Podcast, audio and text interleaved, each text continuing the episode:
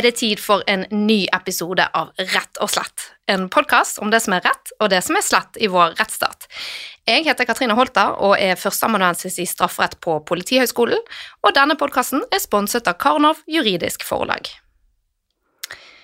Uten mediene så ville nok folk flest hatt ganske lite informasjon om hva som skjer i straffesystemet i Norge.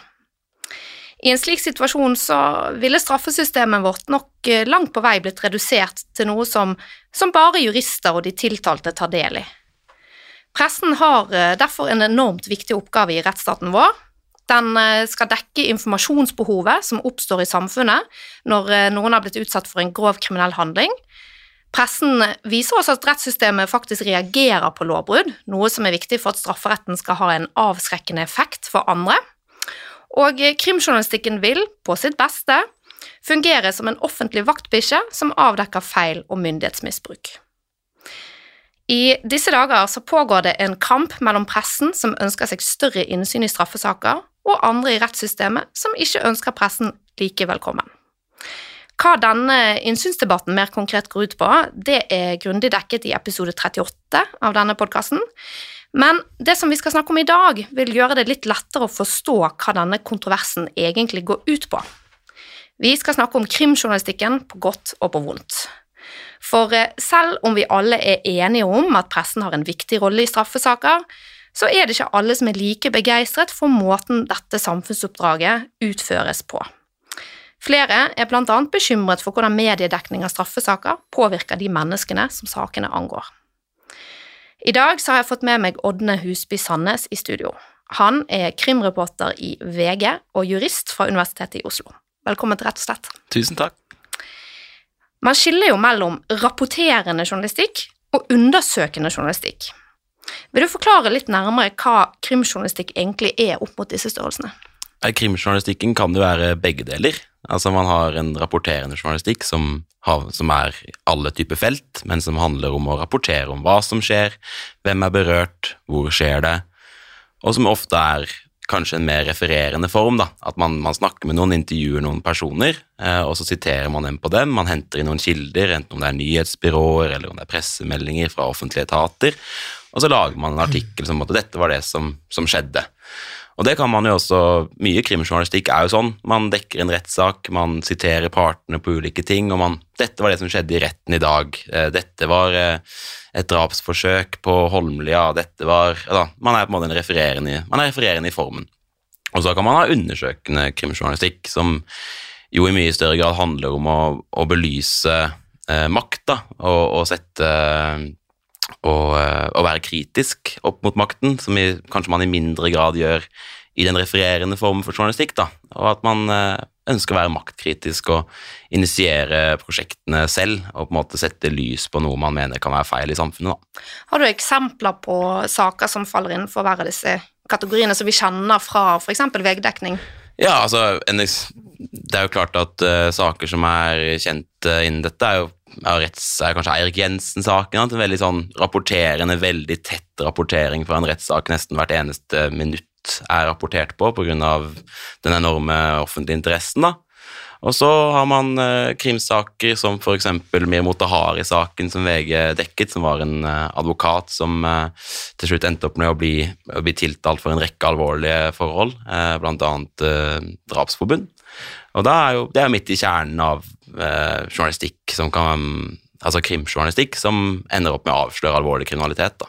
Ja, og drapsforbundet betyr altså at man har inngått en avtale om å begå et drap. Mm. Eh, men når er krimjournalistikken eh, på sitt beste, etter, din, etter din mening? Jeg mener jo at eh, altså den, den uh, refererende journalistikken uh, og den vanlige reportasjejournalistikken og undersøkende journalistikken lever på hverandres vilkår. Da. Vi kan ikke ha det ene uten det andre. Vi må liksom ha Det er viktig, den informasjons... Uh, det, er, det, er, viktig at vi, at vi, journalister også informerer offentligheten, men det krever såpass mye ressurser at veldig mange redaksjoner i dag har nok ikke ressursene til å bidra med de store, uh, kritiske, undersøkende prosjektene. Og de redaksjonene som har det, Eh, de må nok dele redaksjonen sin opp i, i en større grad reportasjeavdeling og en undersøkende avdeling, fordi at det krever såpass mye ressurser. da.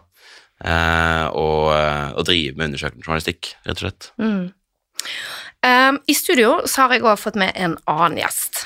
Berit Reiss-Andersen er en erfaren advokat og forsvarer.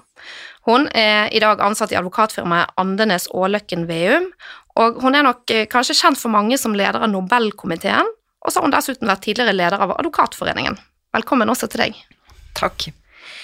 Det er jo et viktig rettsstatsprinsipp, ikke sant, at vi skal ha equality of arms, som man sier på engelsk. Altså at det skal være eh, Man skal prøve å utligne maktbalansen og maktujevnheten mellom staten og den tiltalte borgeren. Um, og så er det jo sånn at media, krimjournalistikken, den kan komme inn og enten bidra til denne utjevningen, eller i verste fall så kan den bidra til å på en måte forsterke denne skeive maktbalansen. Og det siste det er jo noe som kanskje skjer hvis, eh, hvis man belager seg for mye på myndighetenes fremstilling av saken uten nettopp å gjøre denne undersøkende journalistikken som, som Ådne snakket om innledningsvis her. Eh, også Samtidig så har jo media sine rammebetingelser, da. Um, men Berit, altså, la oss starte litt her. Altså, mediene har åpenbart en viktig funksjon i rettsstaten, men eh, kan mediene noen ganger også utgjøre en trussel mot rettssikkerheten? Eh, påvirker pressedekningen dette maktforholdet mellom stat og borger? Absolutt eh, kan gjøre det. Um, det likeverdsprinsippet du snakker om, det er all, all prosesslovgivning er egentlig opptatt av likeverdsprinsippet. Når man snakker om eh, rettssikkerhet for en som er siktet i en straffesak, så snakker man egentlig om det utgangspunktet at staten er selvsagt en mye sterkere part enn en person som er tiltalt for å ha begått en straffbar handling. Sånn at de reglene jeg snakker om, de skal kompensere for den svake posisjonen som siktede har, med forsvarer, eh, rett til å nekte å forklare seg, osv., osv. Og du trekker fram noe veldig viktig, at pressen kan eh, gå inn og forstyrre hele den balansen som lovgiver har bestemt eh, siktede skal ha disse sikkerhetsgarantiene. Ved mye forhåndsomtale, ved eh, publisering av negative opplysninger om siktede, så kan det innebære en forhåndsdømming. Helt klart. Ånne, vil du kommentere på dette? Ja, det er jo uh, slik at ofte vil jo offentlighetsprinsipper uh, og andre prinsipper, som i alle andre steder i samfunnet, stå i splid, da. Det er ikke sånn at uh, alt kan løses med harmoni. Og ja, det er, det er nok, eh, kan nok fort være sånn av og til at uh, opplysningene publiseres kan påvirke en straffesak i negativ forstand, men jeg er jo opptatt av å, å løfte fram også de positive sidene ved det, da. Altså at ja, at vi krimjournalister skal jo i hovedsak ikke være eh, personer som går imot en, straffes, en tiltalts rettigheter. Vi har jo ikke noe ønske om det. Og hvis vi får opplysninger om, som taler hans sak, og hvis, vi, og hvis vi får opplysninger som kan belyse saken fra et annet ståsted, så er jo journalister ofte veldig opptatt av å nettopp belyse disse tingene, da. Eh, men jeg tror nok vi kan bli flinkere til enda flinkere enn vi er i dag, og, og jeg tror nok at man var dårligere før i tiden på å liksom ta fram alternativ historier. da, Tro på, uh, tro på den tiltalte, og ikke bare ta til seg det politiet sier. Det tror jeg nok. Men jeg tror ikke vi prinsipielt er særlig uenige. Jeg ville bare svare et bombastisk ja, fordi jeg vil at pressen skal være veldig klar over at de gjennom måten de rapporterer på, kan forstyrre denne maktbalansen. Og hva er konsekvensen av det? Det er jo ikke at man ikke skal rapportere om straffesaker. Det mener jeg ikke. Men jeg mener at det varierer veldig eh, fra journalist til journalist, fra publikasjon eller medieplattform til plattform, om hvordan man håndterer dette ansvaret. Og det jeg håper vi kanskje kan få ut av denne samtalen, er jo å snakke om hva, hvor er det farene lurer? Um, jeg eh, I en ideell verden så er det sånn som du beskriver, Rådne. at man er åpen for ulike kilder, prøver å balansere. Ja, det har også skjedd. Men eh, i virkelighetens mediehverdag så opplever nok jeg at den mest catchy overskriften får gjennomslag, Mm. litt uavhengig av om den er til gunst eller ugunst for den eh, siktede, Mm. som jeg nå konsekvent kaller personen. Ja. Ja, og det er jo litt sånn at eh, sensasjon, det er noe som preger overskriftene i tabloidavisene. Eh, man kan for eksempel finne overskriften 'Fotballtrener forgrep seg på tenåringsjente'. Og hva høres det ut som? Jo, det høres ut som en eh, godt voksen fotballtrener som mer eller mindre har holdt det mindreårig nede, fast med makt, og gjennomført et samleie. Sannheten kan være at dette her er en trener på 22 år, at det er en tenåringsjente som er over seksuell lavalder, og som er forelsket i treneren sin og ønsket at det skulle skje. Det trenger ikke være snakk om samleie, men eksempel fingring. Det kan være straffbart som misbruk av stilling, og fordi det er straffbart, så kommer man inn i denne eh, begrepsbruken knyttet til eh, forgrep seg på. Eh, men når man da ser hele saken samlet, så nyanserer jo det veldig bildet. Og det er jo litt dette du er inne på, da, Berit. Altså, er, så derfor så må jeg egentlig spørre om du Føler du at, at du må beskytte klientene dine mot mediene? Det varierer, men veldig ofte ja, fordi em, jeg får veldig ofte spørsmål fra journalister ja, men hvis han eller hun erklærer seg ikke skyldig, kan du ikke forklare hvorfor det? Hvorfor det? Eh, så kan vi jo skrive om det, men så vet du at det øyeblikket du åpner den flanken, så utløser det 20 nye spørsmål. Eh, og hvorfor en person er uskyldig, kan ha et litt komplisert årsaksforhold. Eh, jeg har jo vært forsvarer i veldig mange økonomiske straffesaker, og det er ikke så enkelt at du bare kan si Økokrim har misforstått saken. Eh, og selv i det eksempelet du trakk frem nå, eh, så kommer jo spørsmålet at ja, men hun sier jo at det ikke var frivillig. Og så kan det være at ja, men 20 venninner sier noe annet. Altså, det er ikke Pressen er ikke et egnet sted for å føre bevis. Men det jeg konsekvent gjør, jeg svarer alltid pressen, og jeg gir alltid noe. Og jeg forklarer eventuelt hvorfor jeg ikke vil gi flere opplysninger, veldig ofte den forklaringen jeg ga nå. Men det kan jo variere veldig. Noen klienter ønsker veldig å stå frem i media fordi de tror at de greier å forklare saken, eller at de er kjempesjarmerende, eller at de er veldig smarte, og jeg vet at de aldri er så smarte eller så sjarmerende at de nødvendigvis overlever det.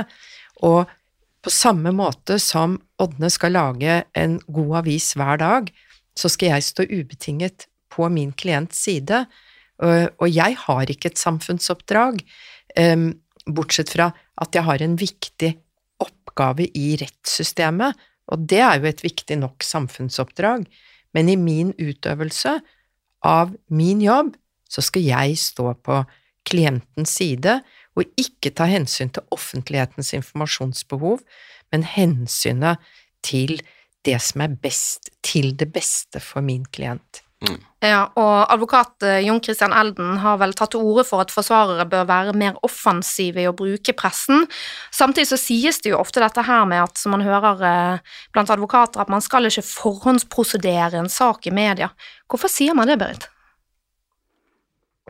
Man sier det fordi det er en veldig dårlig prosedyre, for du slipper ikke til med alle sakens faktiske sider, du slipper ikke til med eh, eh, Du har ikke kontroll over opplysningene. Hvis du gir en journalist en opplysning og sier at det er sånn, han var ikke der, eh, så vil jo enhver oppegående journalist kontrollere den opplysningen, og kanskje få en annen kilde som sier jo, han var der. Um, og så er det i gang. Og hva er det? Jo, det er litt sånn type folkedomstol, ikke en rettergang. Um, men jeg, jeg, vet ikke helt hva som er bakgrunnen for Jon Christian Eldens utsagn, men jeg tenker at i en um, Tidene har endret seg veldig i løpet av de årene jeg har vært advokat.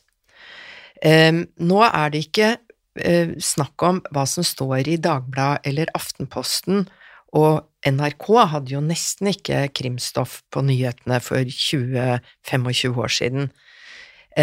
Men nå er det sosiale medier det er Du greier ikke stoppe det.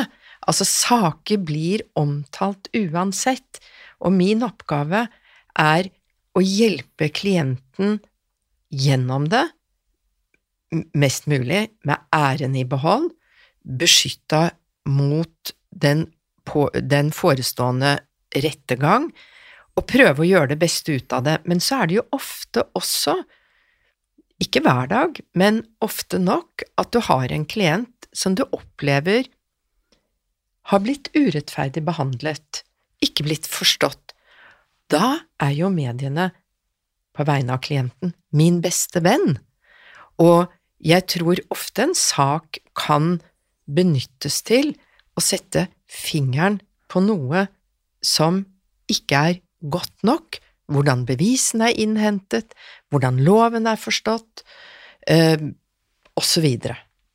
Ja, Odda, vil du kommentere på dette? Nei, det er jo igjen dette med at vi har eh, veldig Altså, du har ditt samfunnsoppdrag, og jeg har mitt samfunnsoppdrag, da. Og at de mm. ofte kan der, i, i, kampen og heten så kan de stå litt eh, i klinsj med hverandre. Eh, men jeg tenker jo det du er inne på til slutt der, da, er veldig viktig. og som journalist så, så blir man jo veldig kritisk til eh, statsmakten og domstolene og systemet, da. Man har kanskje det er man, man, blir lært opp til å være på alle møter, og man blir lært å stille spørsmål til alt. og jeg, jeg, tror jo også at i mange tilfeller eh, virkelig på at det kan finnes en god dynamikk. da. At det er sånn at eh, ja, eh, kanskje at systemet ja, det blir nok påvirket av det vi driver med, men at ikke det alltid trenger å være en negativ påvirkning for klientens del. da. Så er det, Jeg skjønner at i sånne saker av enorm offentlig interesse, f.eks. drap, og, og det man har gjort, bare er forferdelig, og grunnen til at man det omtales offentlig, er nettopp av den grunn at dette var en voldsom, forferdelig handling. Eh, men i mer sånne saker hvor det på en måte er noen kritiske elementer, der noen, kan noen ha blitt forskjellsbehandlet, kan noen ha blitt diskriminert, kan noen ha blitt utsatt for et eh, for et, en justisfeil, kan noe, kan noe, ha skjedd galt med deg i fengselet altså Alle disse tingene her, da, de prosessene og måten de tiltalte blir behandlet på, eller en fornærmet blir behandlet på, der tenker jeg jo at virkelig at, kan, at, det er viktig at det er en god dialog da, mellom advokater og pressen. Absolutt, og noen ganger oppsøker jeg pressen for å få den dialogen, men det er også en mulighet for pressen å ta opp saker uten at de er personfokuserte. Eh, senest i dag leste jeg en veldig god kommentar i avisen om Høyesteretts uh, siste avgjørelse om, om, diskriminerende og hånende ytringer, og det er et kjempeinteressant case som nettopp er avgjort, og som man godt kan diskutere uten at man kjenner identiteten på de to aktørene. Det var i en lukket Facebook-gruppe en person som skjelte ut en transperson som hadde vært en mann, og som nå er en kvinne, og hvor de var uenige om noe, og brukte argumentet at du er en råtten mann, eller altså akkurat hva som ble sagt, da, eh, noe i den døren.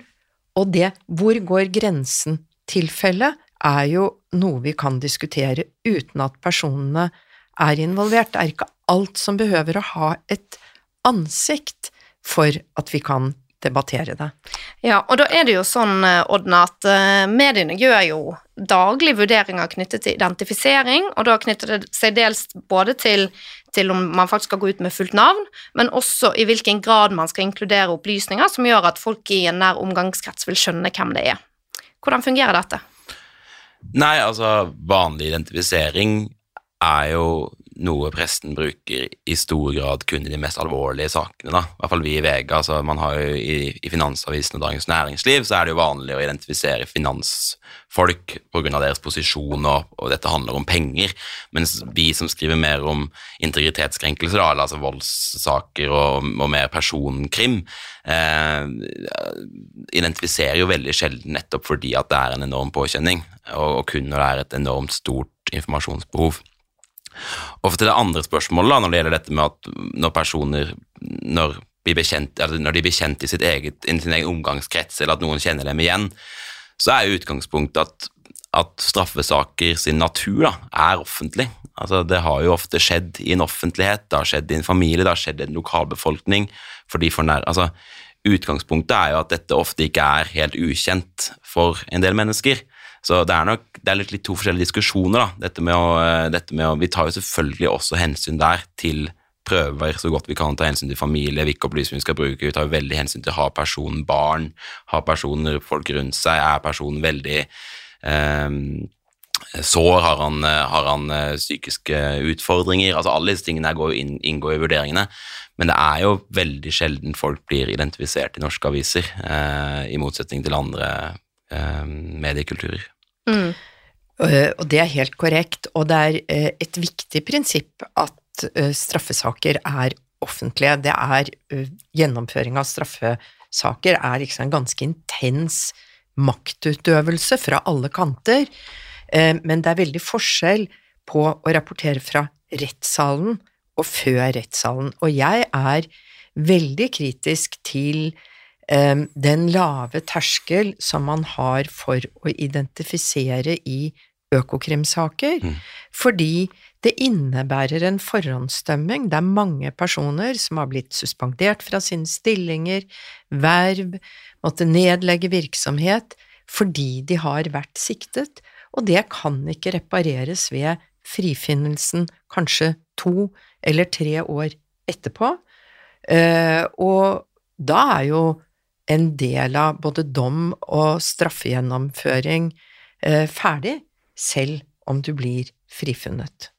Jeg, jeg vil jo bare si eh, til det at jeg som jurist syns selvfølgelig det er veldig interessant å kunne, å kunne diskutere sånne problemstillinger, men, men, journalisten i meg vet jo at det nettopp er slik at man ofte trenger et ansikt ikke bare for i gåseøynene å selge aviser, for selvfølgelig gjør jo det også det, bedre personlige historier, men hvis man skal virkelig få gjennomslag, da, hvis man virkelig skal få gjennomslag i en sak, så, så, er det veldig vanskelig hvis ikke folk skal få bli kjent med denne personen. Hvem er det som ble diskriminert? Hvem var det som ble utsatt for en justisfeil? Hvem, som, hvem er denne personen jeg skal måtte, eh, få medfølelse med? da? Eller hvem er det denne personen jeg skal engasjere meg i? Det, man, man så, det er ikke så ofte man ser liksom, at noen går i fakkeltog for, for en anonym person. Altså, det, er, det, er litt, det, er, litt, det da. Så så jeg er veldig enig, men det, det er derfor man fort prioriterer de sakene som eh, har ansikter, da. Mm. Fordi at man ser effektene. Og det merker jo jeg også når jeg lager podkasten her, sant. Altså at hvis jeg ikke kan hekte det på en, eh, en, sak som folk er på en måte kjent med og opptatt av, så er det, blir liksom ikke lyttertallet like gode. Altså det er, så, det, så, det, er noe med at man må snakke til folk litt uh, på noe som de allerede er opptatt av, da. Ja, Um, og jeg ser det poenget, og det er et spørsmål om å holde en slags balanse, for hvis det blir slik at vi ikke kan diskutere prinsipper, men bare personer, altså da er vi blitt veldig tabloide. Og la meg trekke et resonnement, for det har større ringvirkninger enn som så. Det har også noe å gjøre med hvor mye man um, rapporterer om av krimsaker. Altså, krim har blitt den nye underholdningen, Og terskelen for å si at noe er viktig som vi må opplyse offentligheten om, det er nærmest liksom at en katt døde. Altså, det er Alt rapporteres. Og det bidrar til, ikke sant, det er tabloid, og det tabloide bidrar til populisme, enten den er høyredreid eller venstredreid. Den store populistiske myten er at samfunnet vi lever i, er så mye farligere enn det det er. Eh, staten har ikke kontroll, du som enkeltmenneske er truet, eh, å hause opp kriminaliteten for å destabilisere og skape utrygghet. Det går an å trekke opp litt store perspektiver også i de hverdagsavgjørelsene man tar, og akkurat det er jeg ganske kritisk til. Overdrivelsen, for mye, um, og at um, saker males ut til å være verre enn det de er, kjent politiker i Larvik er annen vara til kommunestyret. Um, um, um, overgrepet er liksom uh, Fotballtreneren tok henne på puppen. Uh, altså, det er noe med det som jeg vil heve en advarende pekefinger mot. Og, det, og det, de eksemplene er jo rett og slett bare dårlig journalistikk. Så det er på en måte sånn, og jeg er helt enig, altså sånn Ja, Men da er det mye dårlig ja, journalistikk. Kanskje, kanskje det, men, men ja, vi, skal jo, vi skal jo på en måte Vi skal jo Det gjøres feil. Det gjøres feil vurderinger, og ja, kanskje Man får jo mer inntrykk i dag av at uh, av at det rapporteres på en måte mye mer om alt, da, fordi at eh, disse, altså, nettsidene våre har blitt nyhetstjenester i mye større grad enn hva en gammel papiravis var. For de som lytterne våre som nesten vet hva det er, så var det på en måte mye mer sånn da var det mye prioritert. Det var, det var de store mm. sakene man valgte seg å, å, skrive om, mens i dag kan man liksom sette seg inn i nesten alt hva man vil. altså Hvilken eneste straffesak føler man at man Politiloggen kan man lese i, i et direkte studio hos VG. altså Jeg skjønner litt den, men vi prøver jo i det daglige da, å, å prioritere og, og, vise hva som er viktig og ikke viktig, men der gjør vi jo der har vi forbedringspotensial, og der gjør vi feil sikkert hver eneste dag. Men jeg vil skyte inn ett argument til. I fjor gikk fredsprisen blant annet til Maria Ressa og, øh, øh, og Muratov, fordi vi mener at god journalistikk og det å avsløre makten er veldig viktig fredsarbeid. Maria Ressa fremhevet veldig at journalistikken i Filippinene er så gjennomført tabloid at den overhodet ikke bidrar til en offentlig samtale som setter spørsmålstegn med hvordan makten ter seg, blant annet å bare skyte narkomane fordi de er mm. narkomane. Så nesten var det som en sånn intern krig. Det er ikke slik i Norge. Men jeg prøver å peke på at det er tendenser som har skadevirkninger utover det som er helt åpenbart. Hvis du bare har en offentlig samtale som er søppeljournalistikk, så har du eh, fjernet deg fra en veldig viktig eh, maktbalanse i samfunnet, fordi den styrende makt ikke blir effektivt kritisert. Altså, til det så vil jeg jo si at uh, det høres jo helt grusomt ut, uh, men altså sånn jeg syns også at der bruker du tabloid i sammenheng med populisme, og ja, det tabloiditet kan jo fort gå den veien, men jeg mener jo også at hvis du gjør tabloidjournalistikk på en god måte, så er det et honnørord, da. For det er, jo, det er jo slik at hvis jeg setter meg ned eh, på søndagskvelden eh, og leser New York Times, så er det sånn Ja, jeg kan ta meg ti minutter på å lese en artikkel. Tabloidavisen var jo laget for at liksom, dette skal du få med deg på så kort tid som mulig, og innenfor det så kan, man, så kan det skje feil, men god tabloidjournalistikk har jo virkelig evnen til å plassere noe på dagsorden og virkelig vise tydelig hva er det dette dreier seg om. Ja. Denne, denne, gutten som ble mobbet, som tok livet sitt fordi han ble mobbet. Disse brødrene i Tolga som ble fratatt uh, sin egen handleevne over seg selv. Uh, hvor man liksom putter ting virkelig trykk på ting som er viktig, og ja. klare å vise det, og ikke og, ja. Og er- der er jo VG veldig gode, ikke sant. Altså de har um, Når de skriver disse lange sakene sine som de illustrerer på ulike måter, og på en måte klarer å engasjere folk i det. Uh, og der, så der tenker jeg at det skjer mye bra hos VG. Uh, Bertheussen-saken er også en sak som jeg syns var mye grundig journalistikk på, uh, uten en form for Eller i hvert fall, jeg opplevde at der ble det ikke noe stor grad av forhåndsdømming, men at man var veldig undrende i media, det ble, det ble en del av debatten på NRK osv., at man snakket om dette at man ikke hadde en smoking gun osv. Um, men uh, jeg tenker det at eh, denne type journalistikk det krever jo også noe av mediene, og det krever jo at dere har tilgang til informasjon. Eh, og Vil du si noe Odden, om hva som er på en måte rammebetingelsene? Hva er hverdagen deres når dere prøver å få tak i denne informasjonen som journalister på dette feltet? Det er jo at man som regel møtes med nei, da. Altså sånn, det er jo Du eh, søker innsyn og får nei. Ja. Og så må man jobbe alle mulige kanaler for å klare, prøve å få det til likevel, da. Eh, Har du noen eksempler på saker du har måttet bruke mye tid på for å få ja, innsyn? det, det er vel nesten alle. altså, hvis man skal, hvis man skal liksom virkelig gjøre en god reportasjejobb, eller man skal gå inn i et i kritiske prosjekter som jeg jobber med nå, da, altså lengre journalistiske prosjekter, så er jo det ofte veldig mye av jobben. Det å liksom få tak i informasjonen. Eh, man får kanskje noe nyss om at det finnes noe informasjon, man får kanskje nyss om at her er det et eller annet, og så går jobben veldig mye på å finne ut av eh, hvordan man skal få tak i ting, og, og, og prøve å få tak i det. Så det, er, det er mye, egentlig handler jo journalistikk veldig mye om det, og ikke det å skrive, egentlig. Og ofte så ender det opp i retten med flere runder og sånt. Har ikke du vært med på det òg?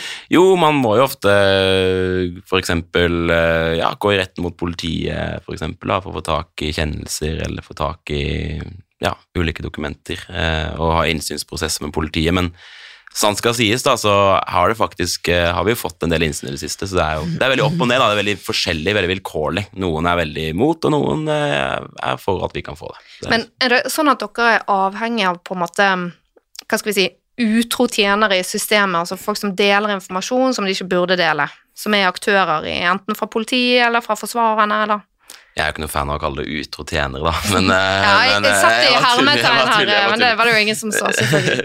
Nei, jeg, ja, Deep throat. ja, ja. Nei, jeg er ikke så interessert Jeg har ikke så lyst til å snakke så veldig mye om det og hvordan det fungerer, men det er sånn eh, Det er jo ikke tvil om at vi Altså, jeg vil jo kalle mange lekkasjer opp gjennom mange gode saker som har blitt til som på en måte kanskje var informasjon som ikke skulle tilflyte offentligheten, da. Eh, er jo en slags eh, ja, ventil i demokratiet. da. Sånn, her, er, eh, her er folk kneblet og holdt nede for å ikke kunne fortelle noe.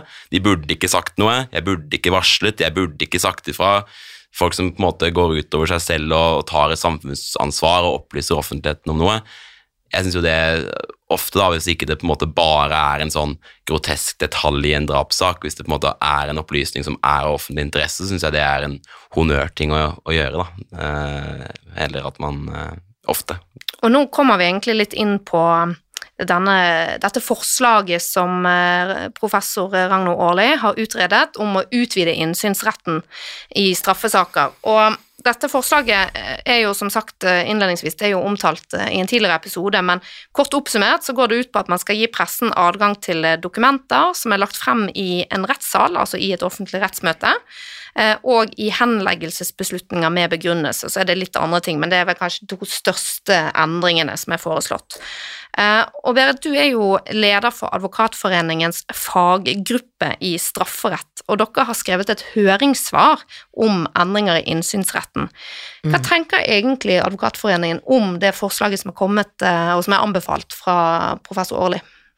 Altså, det utvalget jeg leder, det heter Lovutvalget for strafferett og straffeprosess, og vår oppgave er å um, avgi høringsuttalelser på vegne av eh, Advokatforeningen. Vi gir utkast som eh, hovedstyret vedtar eller ikke vedtar, stort sett vedtar de det.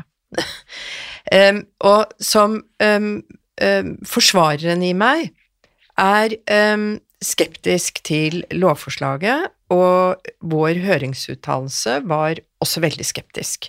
Altså, eh, ville ikke gi lov... Hadde mange kritiske innvendinger til forslaget, som handler om å eh, beskytte klientene våre, den tiltalte. Eh, men samfunnsdebattanten, meg, eh, har innsett at det er ganske viktig at pressen får mer innsyn og kan bruke åpne, tilgjengelige kilder. Når pressen i så stor grad som den er i dag, er avhengig av at noen bryter reglene for å gi informasjon, så blir det veldig ubalanse i informasjonen. Man har for eksempel en god kilde i en forsvarer, og så får man ikke kommentar fra politiet eller domstolen, eh, særlig politiet, da. Og det gir veldig ubalanse, og jeg tror at det må for det første være en del regler om hvordan man håndterer denne type opplysninger, fordi de kildene du ikke vil snakke så mye om, de har noen ganger veldig edle motiver, er varslere i ordets rette betydning, og de kan være sladrehanker og sabotører og alt mulig annet som ikke er så edelt. Det varierer en del. Uh, og det kan også være et motiv for å henge ut noen. Um, og denne åpenheten tror jeg kan være et bidrag til at pressen kan spille en mye mer kritisk rolle.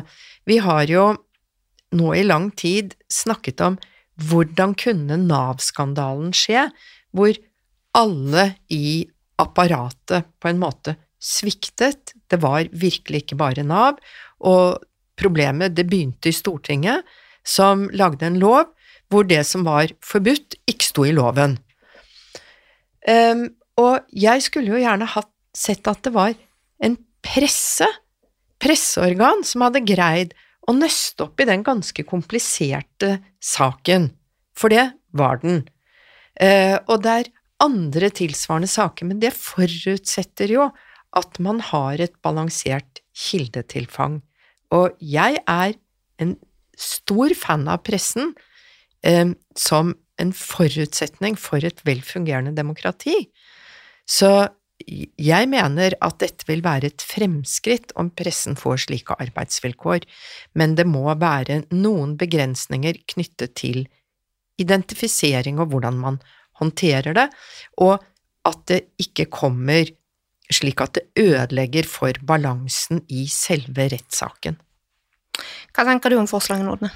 Eh, hvis vi skal diskutere særlig det forslaget som handler om at man får dokumenttilgang av det som er lagt fram i åpen rett, da, så er jeg utrolig enig og veldig med det du sier til her også her, ikke sant? men også veldig enig med, med Årli at liksom, det følger bare den moderne tiden. Altså det er sånn, det er jo ingen man må ha dokumenttilgang for å på en måte få et overblikk over hva saken dreier seg om. Altså, ofte er realiteten sånn at jeg sitter i en rettssal og skriver som en galning, liksom, for å få ned de tekstmeldingene eller for å få ned det dokumentbevis som er sentralt. Farene der for feil, farene for at man ikke får anledning til eh, å få med seg helheten, eh, at man bruker egentlig all tid på å bare notere istedenfor å på en måte tenke ok, hva betyr dette, hva er dette for et slags bevis, er ikke veldig konstruktiv da, for å bidra til eh, en, eh, en, en, balansert og, og, kanskje mer kritisk eh, dekning av straffesaker. Så jeg tenker at det hun foreslår, er jo egentlig bare at vi kan få se det skriftlige av det som allerede er lest opp muntlig. Og det, jeg, den voldsomme motstanden mot det, det, det, skjønner jeg liksom ikke helt. For det er, det, jo, det er jo sånn resten av samfunnet har blitt. Altså, det er som hun sier, at ting var muntlig før fordi folk kunne ikke lese og skrive. Eh, men i dag så kan vi det, og det syns jeg er veldig godt sagt. For det er sånn Ja, resten av samfunnet har beveget seg i den retningen. Men her er det vel kanskje da en eh, bekymring at hvis det er sånn at eh, pressen kan få dokumentene så lar de være å dukke opp i retten, for de har jo fått dokumentene. Der står jo av oss rapporten kanskje også, eller deler av den. Uh, og så kan man lage sak uh, bare basert på disse dokumentene uten å ha vært i retten og hørt hva som skjer. Og er det én ting jeg lærte som forsvarer, så er det at det er uh, noe annet å lese politidokumentene om en straffesak, og å møte klienten og snakke om saken ja, men du sa dette til politiet sånn og sånn. Jo, men det var ikke sånn de mente det, og det har kommet frem skeivt, og så og sånn. Eh, og at det på en måte da når du møter klienten etterpå, så danner det seg ofte et helt annet bilde av saken enn det som jeg kan få bare basert på dokumentene. Og det blir enda tydeligere når du da kommer i retten og får se hele bevisførselen.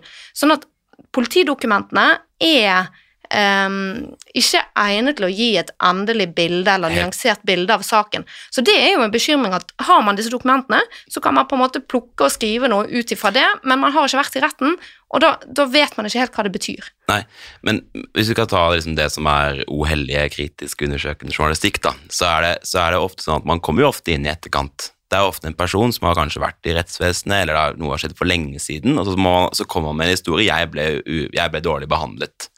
I dag er jo vilkårene for norsk presse veldig veldig dårlige for å på en måte, ok, du forteller denne historien, du sa du var i retten i Glåmdal i, i 2005, altså, eh, så går du til politiet, du kan vi, denne fyren her kommer til oss og sier at han har blitt dårlig behandlet, eller denne fyren her, eh, ja, kan vi få lov til å se dokumentet? Altså, det er jo på en måte ofte sånn at man kommer inn i ettertid, og man må prøve å etterprøve en historie, og så vil dokumentene være ofte kanskje bare en liten del av det hele bildet da man prøver å skape. Så selvfølgelig hadde det vært aller best at man hadde vært i rettssalen, eh, møtt tiltalte, eh, snakket med han, og så, og så, skjer det kanskje noe feil, eller noe man har lyst til å belyse kritisk, og så har man vært med på hele prosessen, men det er jo ofte veldig vanskelig, da. Eh, og det er det dette forslaget vil gjøre, at man i hvert fall i større grad kan gi et bedre bilde eh, av en rettssak enn man kan i dag, for i dag får man jo ikke tilgang til noen ting. Ja, men dere snakker om to litt ulike situasjoner, for det forsvareres angst for at pressen skal ha tilgang til politidokumenter, er jo at politidokumenter er politiets arbeidsdokumenter. Det er det materialet de har samlet sammen for å si vi anklager deg for å være skyldig, og vi mener vi kan bevise det. Mm. Og det er jo et partsinnlegg. Og hvis kilden skal være et partsinnlegg, så mener vi jo at klienten må beskyttes mot det. Det første eh, instinktive tilnærmingen til en straffesak når du er forsvarer, det er at du åpner saken, begynner å bla deg igjennom og sier hva kan jeg knuse her, hva kan jeg motsi her, hva er det som ikke er holdbart her? Og den treningen har de fleste journalister ikke Jeg vil ikke fornærme deg. Nei, nei, nei. nei. Men vi, vi, vi, åpenbart så har dere mer trening i det enn oss i straffesaker, det er jo helt klart. Det er, men det er jo det vi også prøver på, da, i noen tilfeller. Og ja, eh, at vi liksom Noen kommer til oss sier noe er feil, og så ok, da må vi prøve å dokumentere det, da. Og det er jo veldig vanskelig når man ikke får tak i dokumentasjonen. Eh, jeg syns det, det, er veldig interessant, f.eks. I, en, i en dom fra, fra lagmannsretten nylig, da, mm. hvor det er en stor uenighet om en person eh, som eh, skjøt eh, en kvinne med hagle, eh, og om han faktisk gjorde det med vilje eller ikke, og hvor det er en rapport mm.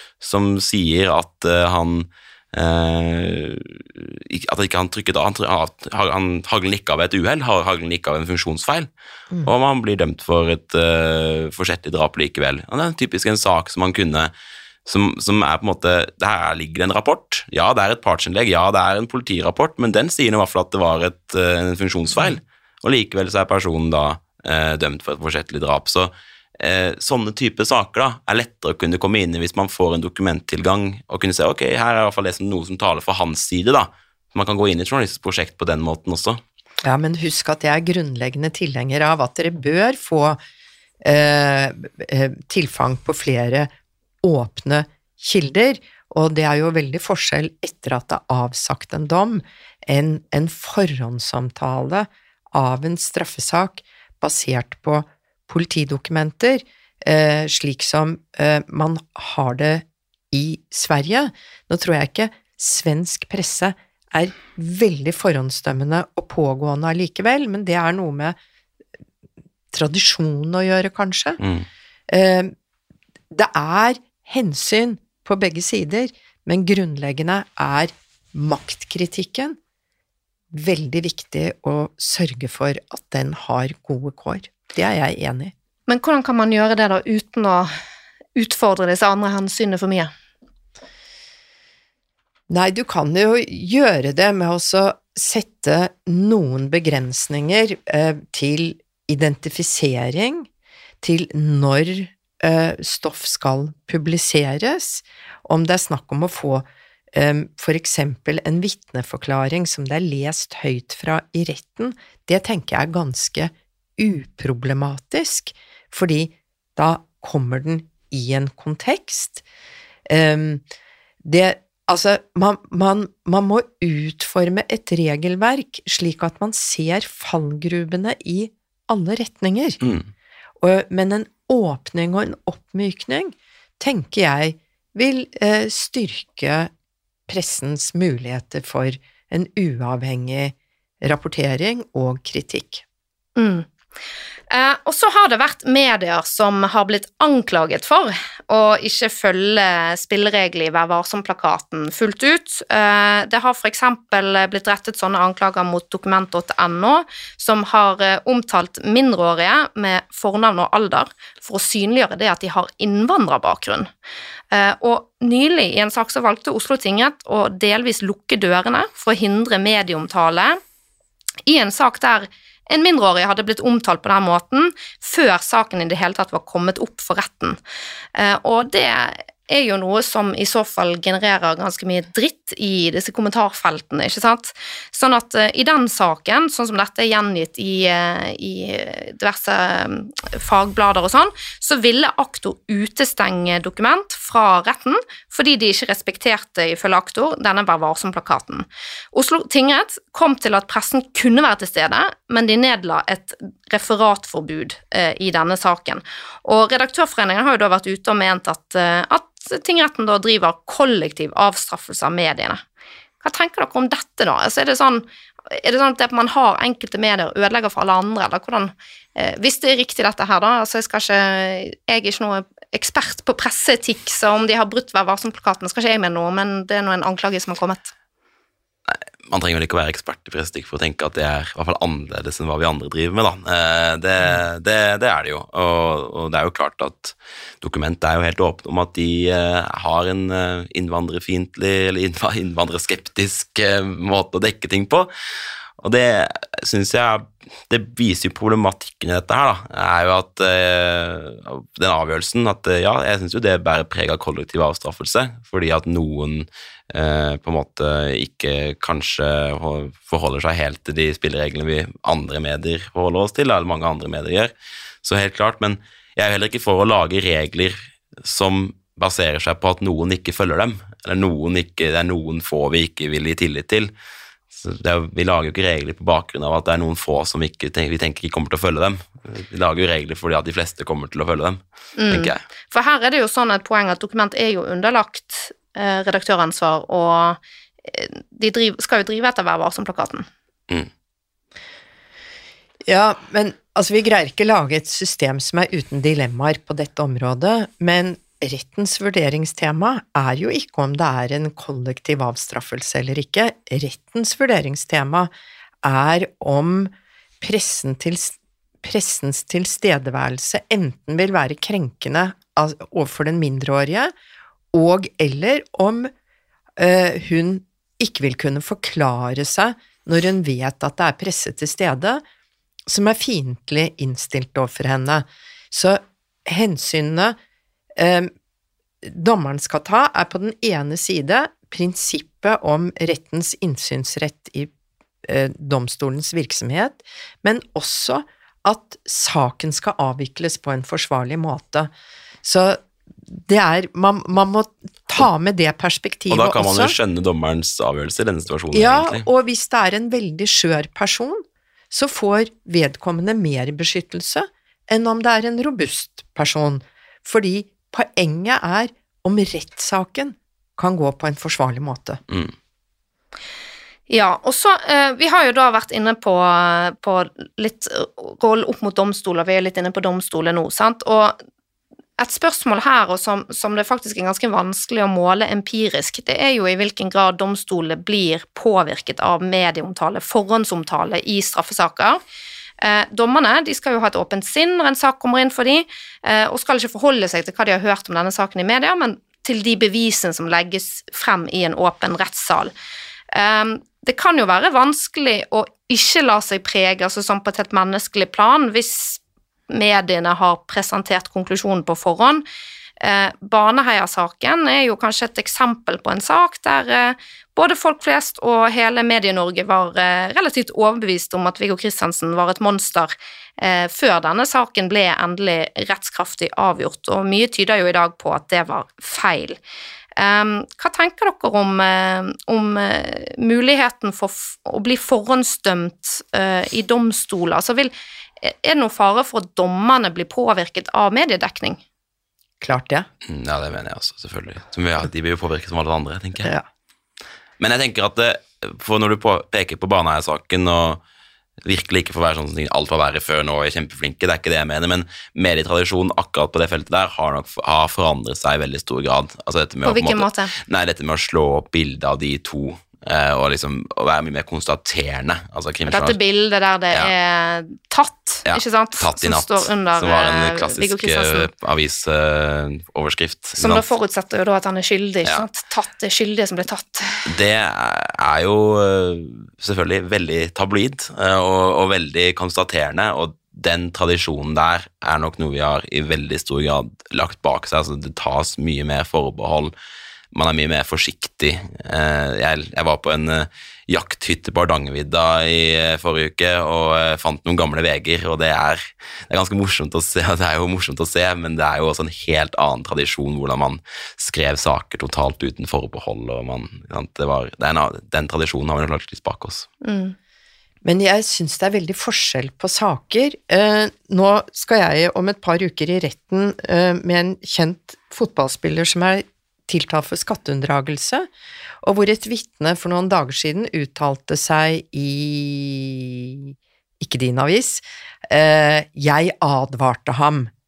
Eh, det er helt klart bidrag til en forhåndsdømming. Men Baneheia er så mye mer komplisert. Man kan si at den em, bidro til forhåndsdømming ved å eksponere de to tiltalte som monstre. Det skjedde definitivt. Men bevisbildet der, og det som har kommet fram eh, ved gjenåpning, ved eh, veldig godt journalistisk arbeid, er jo en bevistvil, og bevis som bygget på så komplisert sammensetning av mange bevis, mange indisier, DNA, eh, eh, teknisk analyse, eh, eh, eh, telefonmaster.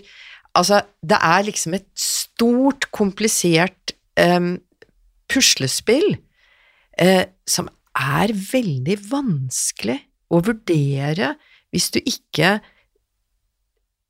setter deg ned i dager og måneder og, og legger det samme puslespillet om igjen. Mm. Så jeg har et prinsipp, jeg har blitt oppringt av mange journalister, mener du at Baneheia-saken bør gjenopptas? Sier jeg, det mener jeg ingenting om, det har jeg ikke forutsetningen til. Um, fordi det er faktisk en forutsetning som du var inne på, Katrine, at man har vært til stede i retten og brukt den tiden og den anstrengelsen, den intellektuelle anstrengelsen, å forstå og vurdere alle bevisene før du egentlig har en mening, og det er jo eh, var vel særlig en bok som ble skrevet om Baneheia-saken, som var et gjennombrudd. Vel, det tar ganske mye tankevirksomhet og ganske lang tid å skrive en bok for å forstå et sakskompleks. Mm. Vil du kommentere? Ja, og, og litt tilbake til det, det vi snakket om sist, det er jo nettopp det som gjør at uh, Baneheia-saken i dag er gjennomtatt. Det er jo fordi at det har sittet en journalist og hatt tilgang til dokumentene og sett saken i, med uh, moderne briller, da. Og, og, og han åpenbart er helt åpen om at dette mener jeg ikke holder, som på en måte er utgangspunktet for eh, den utviklingen som har skjedd i Baneheia-saken. Så det viser jo på en måte det beste som kan skje med den eh, eventuelle innsynsrevolusjonen. Eh, får vi se hva som skjer, men eh, det er virkelig et, sånn- et glansbilde, da. Ja, og så tenker jeg òg at eh, jeg syns at Bjørn Olav Jahr fortjener eh, honnør for at han har vært han har vært ganske modig som tør å konkludere med at Viggo Kristiansen var uskyldig. Altså at han er så tydelig i den konklusjonen, fordi jeg tror det har hatt en effekt, da. At noen som blir tatt seriøst, faktisk tør å si det høyt, tør å gjøre noe mer enn bare å stille spørsmål. Jeg tror For å klare å snu en sånn sak som det der, så tror jeg du trenger de stemmene, da. Det er en veldig interessant debatt, egentlig, fordi vi i pressen nå snakker vi nettopp om at vi kanskje påvirker domstolen, men vi har jo en veldig respekt for domstolene i pressen. Mm. Det som domstolene eh, på en måte vurderer, og det de konkluderer med, det, det er en slags fakta. Det, det, blir en slags 'slik var det'-historie. Mens jeg prøver jo også å tenke liksom, dette er også mennesker. Eh, disse kan også ta feil. Disse, og disse, en annen dommer ville kanskje vurdert saken annerledes, altså, akkurat som alle andre steder. men i pressen har det vært litt sånn at det dommeren sier, det, det, er sannheten. Og så har forsvareren sin sannhet, og så har politiet sin sannhet, men her er den gylne middelveien. Og det syns jeg var helt enig med deg at dette med at han turte å ta det standpunktet, veldig modig. Men samtidig så tror jeg nok også at fordi han gjorde det, så tok det litt lengre tid før offentligheten på en måte tok det på alvor. Fordi at pressen har vært veldig sånn Vi skal ikke imøtegå en dom. En dom er en dom, og, og han er jo domfelt. Og, så uh, det er veldig interessant, og der tror jeg det har også skjedd en utvikling. Og jeg tror nok også at redaksjonene kan ha godt av å uh, kanskje ha et litt mer kritisk uh, syn på kanskje i hvert fall gamle dommer, og, og, og tenke av og til at ja, det er en dom, men den kan også være feil. Det finnes jo forsvarere som mener at det skjer justisfeil i norske domstoler hver eneste dag i Norge. Den statistikken skal jeg ikke gå god for, men prinsippet går jeg god for. Det skjer feil helt sikkert. Baneheia-saken har en annen kjempeinteressant faktor, og det er eh, en årsak til at man har vært forsiktig, og det er den enorme lidelsen som de pårørende ble påført. Og en av de pårørende har inntatt en veldig offentlig eh, posisjon og kjemper veldig hardt for fornærmede i straffesaker, Um, og det har vært et argument at enhver debatt eller begjæring om gjenåpning er en krenkelse av de um, pårørendes fred og behov for å gå videre i saken, og det er jeg veldig uenig i. Mm. Uh, og det tror jeg har påvirket utviklingen i den saken måten man skal vise respekt overfor pårørende på, er jo å sette seg inn i deres situasjon og ta det hensynet. Lisbeth Palme hevdet til sin dødsdag at hun så gjerningsmannen Hva var det han het igjen? Christer eh, Petterson. Christer Petterson skyte mannen sin. Og man er noen ganger nødt til å gå dypt inn i en vitneobservasjon og spørre om den egentlig er riktig, og det er ikke å krenke noen, det er noe man rett og slett eh, Fru Justitia er blind. Er det behov for å et, se, eh, sette et kritisk søkelys på et bevis, så må man rett og slett gjøre det. Og det er jo sånn med journalistikk at det er jo ubehagelig å sette et kritisk lys på noe, for det innebærer jo ofte at ja, du kan sette kritisk lys f.eks. på en kvinnes dødsfall, en ressurssvak kvinnes dødsfall. Ble det håndtert, håndtert, like godt som en rik kvinne som bor uh, på Oslo vest? Sannsynligvis kanskje ikke.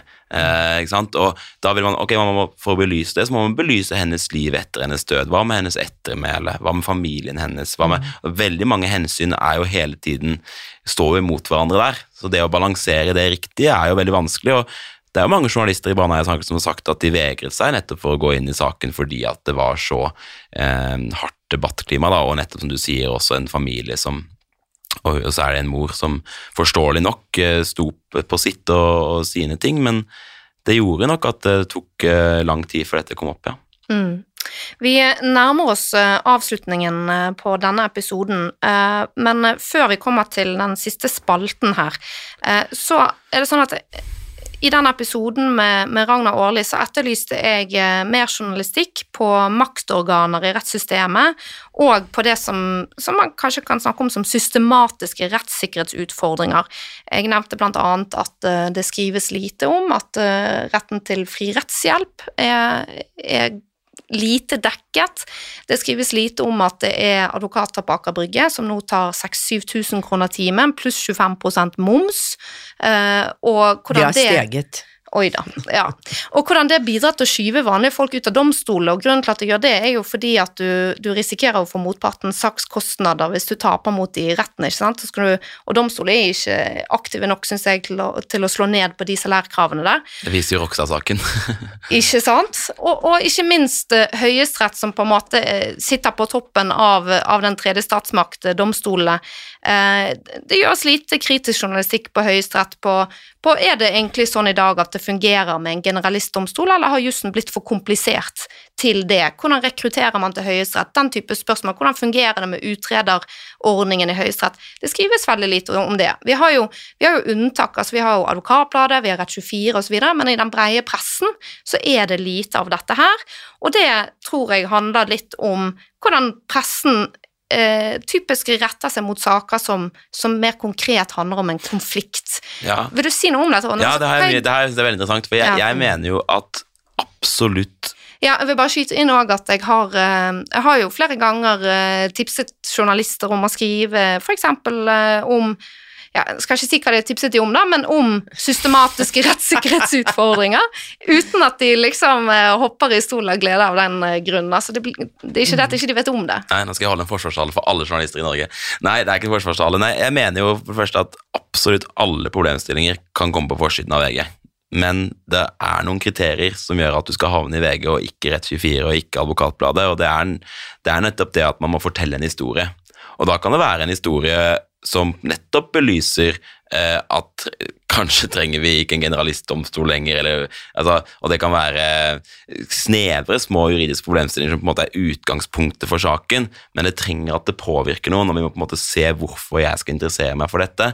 Og det er jo vår jobb som journalist å gjøre, men jeg tror at mange jurister kan lære av at oi, dette brenner jeg for, dette er noe jeg har lyst til å, å tipse en journalist om, dette har jeg lyst til å få, samfunnsdebatt om, men at man da må ikke liksom snakke stammespråk, man må gjøre det litt levende. Hvorfor mm. påvirker dette samfunnet? Hvorfor er det slik at samfunnet skal, skal bry seg om dette?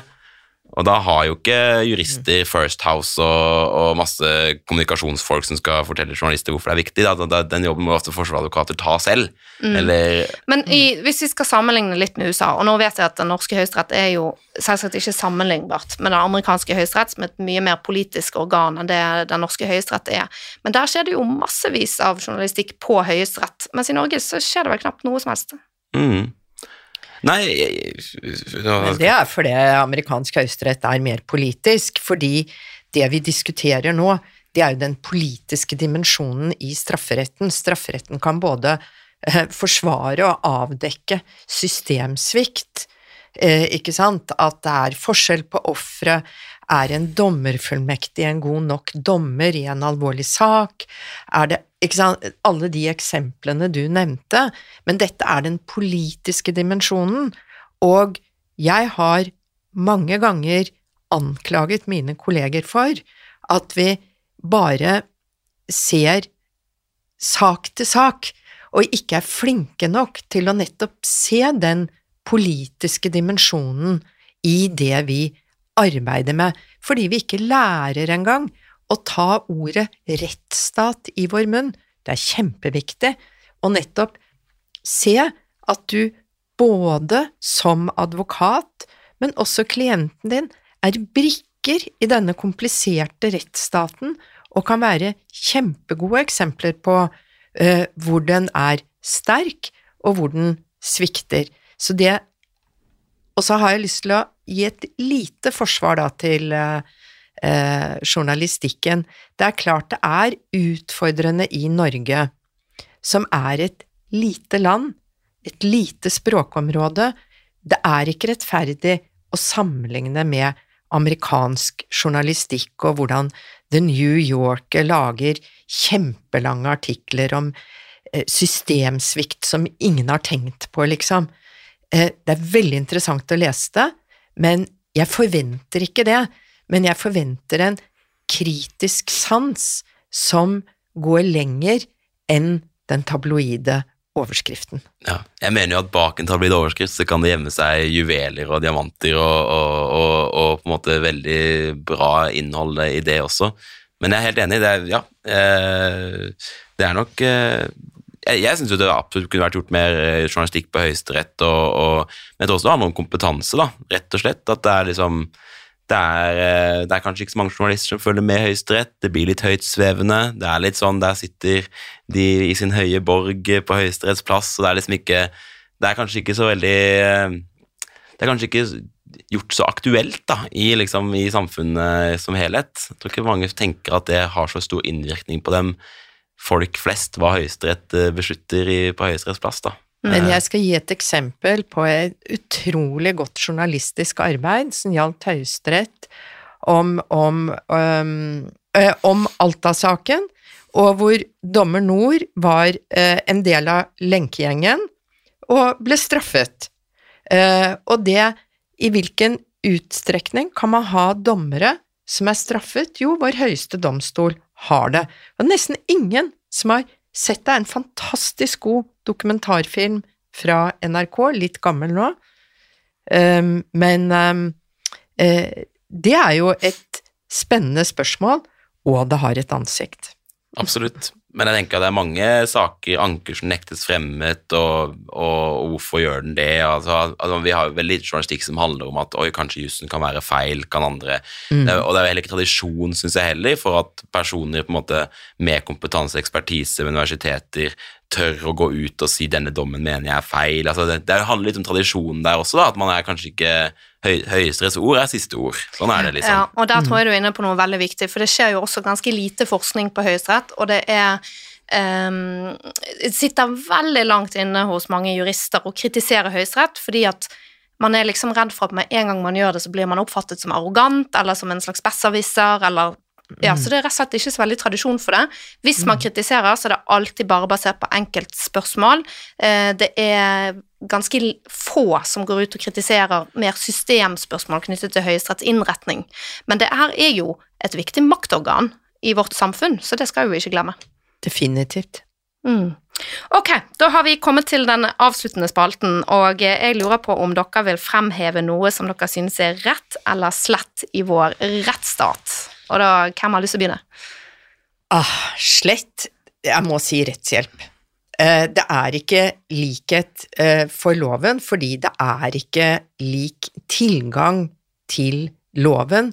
Den, en eh, løsning i retten er rettsstatens edleste kjennetegn, og det er for mange som står utenfor og bare kikker inn gjennom vinduet da blir det dobbelt slett. Jeg må jo nesten uh, si noe slett, jeg òg, og det er jo at jeg syns jeg må være ganske kritisk til eh, politiets bruk av tvangsmidler og den manglende kontrollen på det.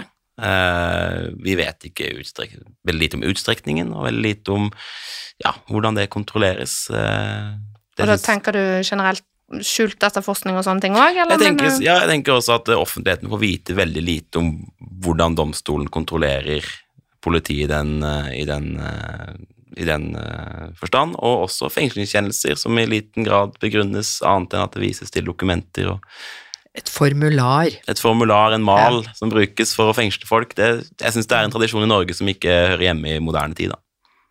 Tusen takk for det, og takk til eh, dere som har vært med her i studio, og til dere der hjemme som har lyttet til oss. Husk å følge denne podkasten, og eh, legg også gjerne igjen eh, stjerner og anmeldelser der du hører på det, så hjelper du meg med å nå ut til nye lyttere.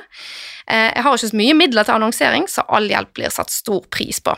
Vi høres.